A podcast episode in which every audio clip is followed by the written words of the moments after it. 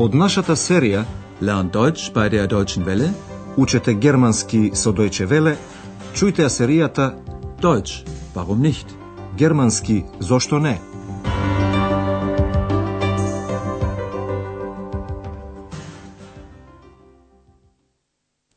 Драги слушателки и слушатели, денес ќе ја слушнете 12-тата емисија од серијата 3 со наслов Некој требаше да го каже волшебниот збор. Einer sollte das Zauberwort sagen. Во минатата емисија ја слушнавте екс во разговор со едно Хайнцелменќен, значи исто така коболт. Дознавте зошто Хайнцелменќен не работат повеќе за луѓето. Жената на еден кројач, кому исто така му помагале, сакала по секоја цена да ги види. Затоа историла грашок на скалите преку кои се сопнале, доаѓајќи ноќе да си ја извршат работата. Тогаш жената ги слушнала, запалила светло, но Хайнцелменќен исчезнале. Слушнете го тој дел уште еднаш и внимавајте на глаголите во претерит. На основата на глаголот се додава наставката те. Wir arbeiteten ja nachts und die Frau vom Schneider wollte uns unbedingt sehen.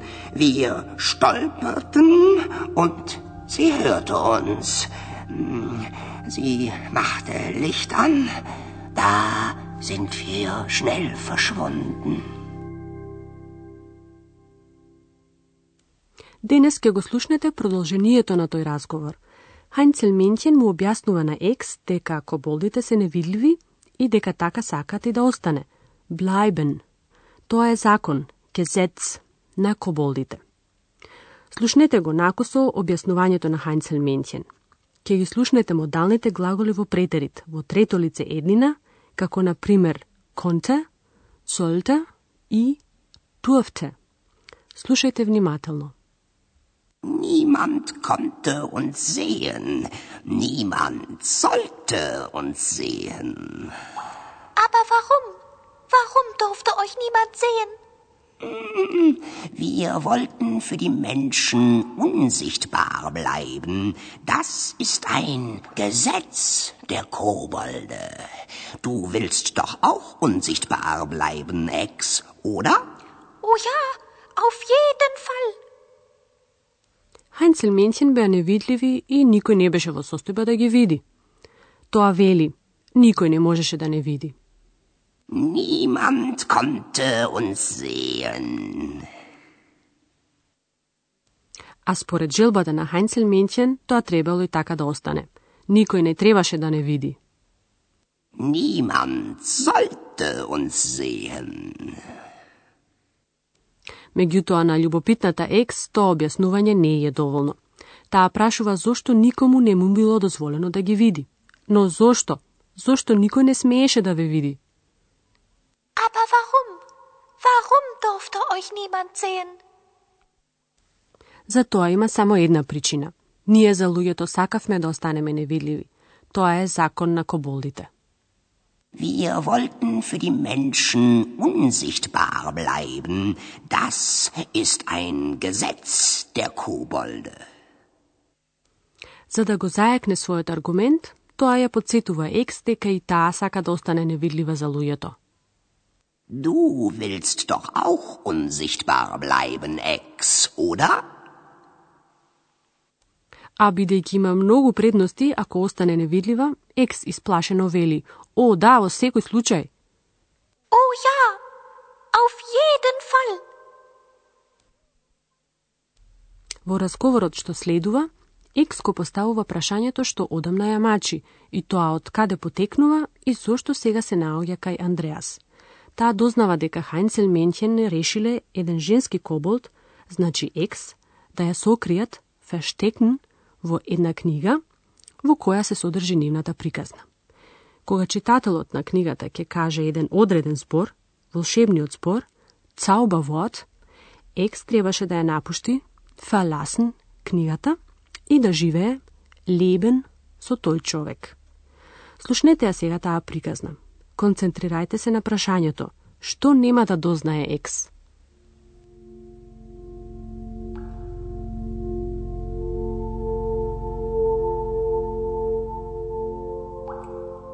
Bitte, sag mir, Woher komme ich? Ah, ganz einfach, Ex. Wir versteckten dich in dem Buch von den Heinzelmännchen. Mich? Naja, einen weiblichen Kobold, neugierig wie die Frau vom Schneider. Auch so böse? Das solltest du selbst entscheiden. Einer sollte das Zauberwort sagen. Bei dem Zauberwort solltest du das Buch verlassen und mit den Menschen leben, unsichtbar wie wir. Und wie heißt das Zauberwort? Das musst du selbst finden. Andreas hat das Zauberwort gesagt. Deshalb bist du bei ihm. Ach so.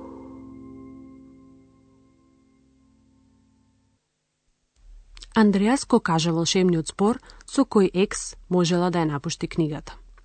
Но таа нема да дознае како гласи тој збор. Слушнете ја приказната на Екс уште еднаш поточно. Екс го моли Хайнцелментјен, кажи ми те молам, од каде доаѓам?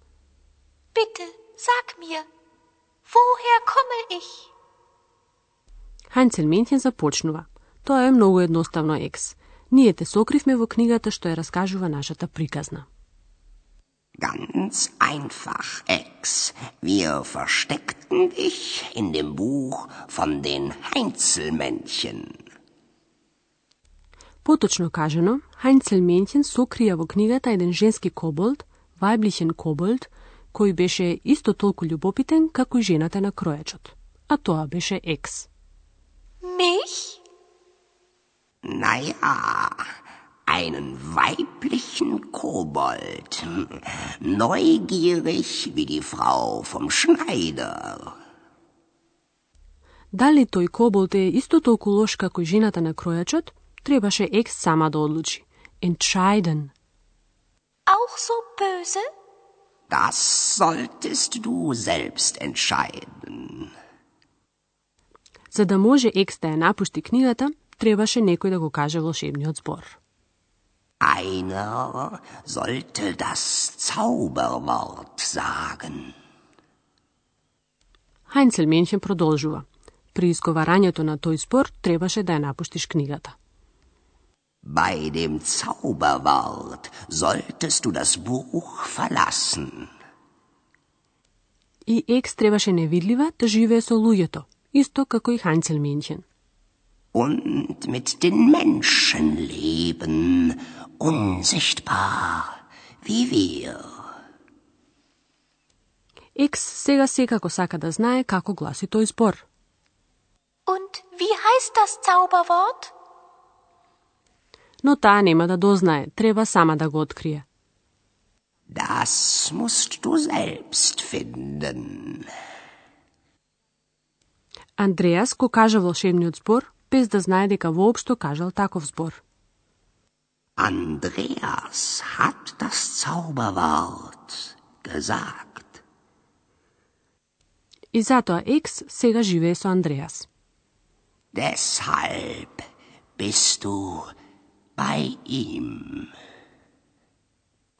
Додека Екс размислува за нејзината приказна, ние ќе ви го објасниме претеритот на модалните глаголи.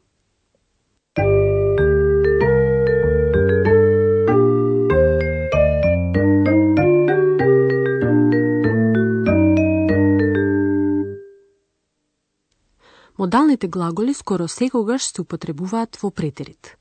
Претеритот на модалните глаголи се гради исто како кај правилните, тоа значи на основата на глаголот се додава те како знак за претерит. Потоа следува глаголската наставка, како кај правилните глаголи. Слушнете еден пример со волен. Најпрвин глаголот во инфинитив, а потоа во прво лице множина во претерит. Волен. Wir wollten. Wir wollten unsichtbar bleiben. Глаголската наставка во прво и трето лице претерит гласи е. Слушнете еден пример со золен во трето лице еднина. Sollen. Er sollte. Einer sollte das Zauberwort sagen. Кај модалните глаголи кои во инфинитив имаат преглас, кој во германскиот јазик се вика умлаут, тој во претерит отпаѓа.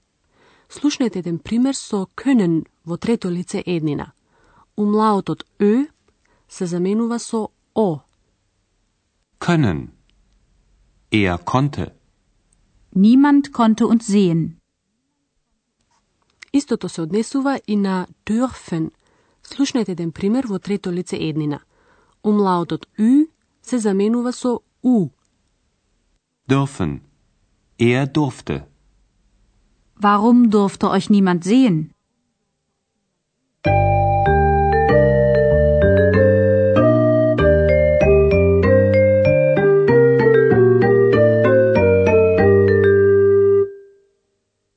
Слушнете ги уште еднаш разговорите. Седнете удобно и слушајте внимателно.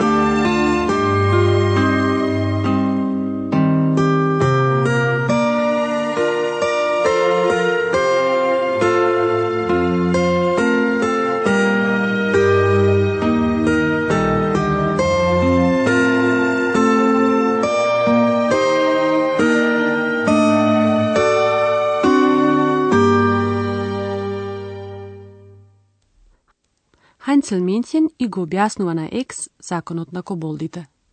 Niemand konnte uns sehen. Niemand sollte uns sehen.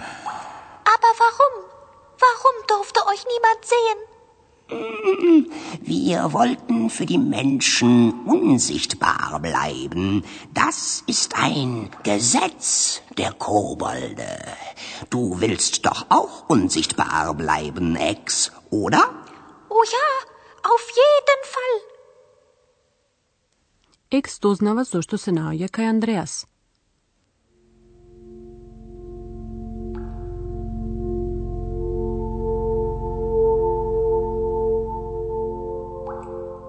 Bitte, sag mir, woher komme ich? Ah, ganz einfach, Ex.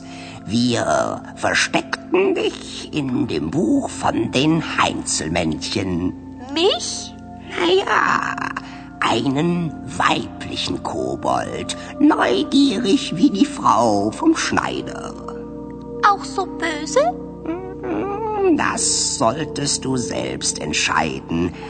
Einer sollte das Zauberwort sagen.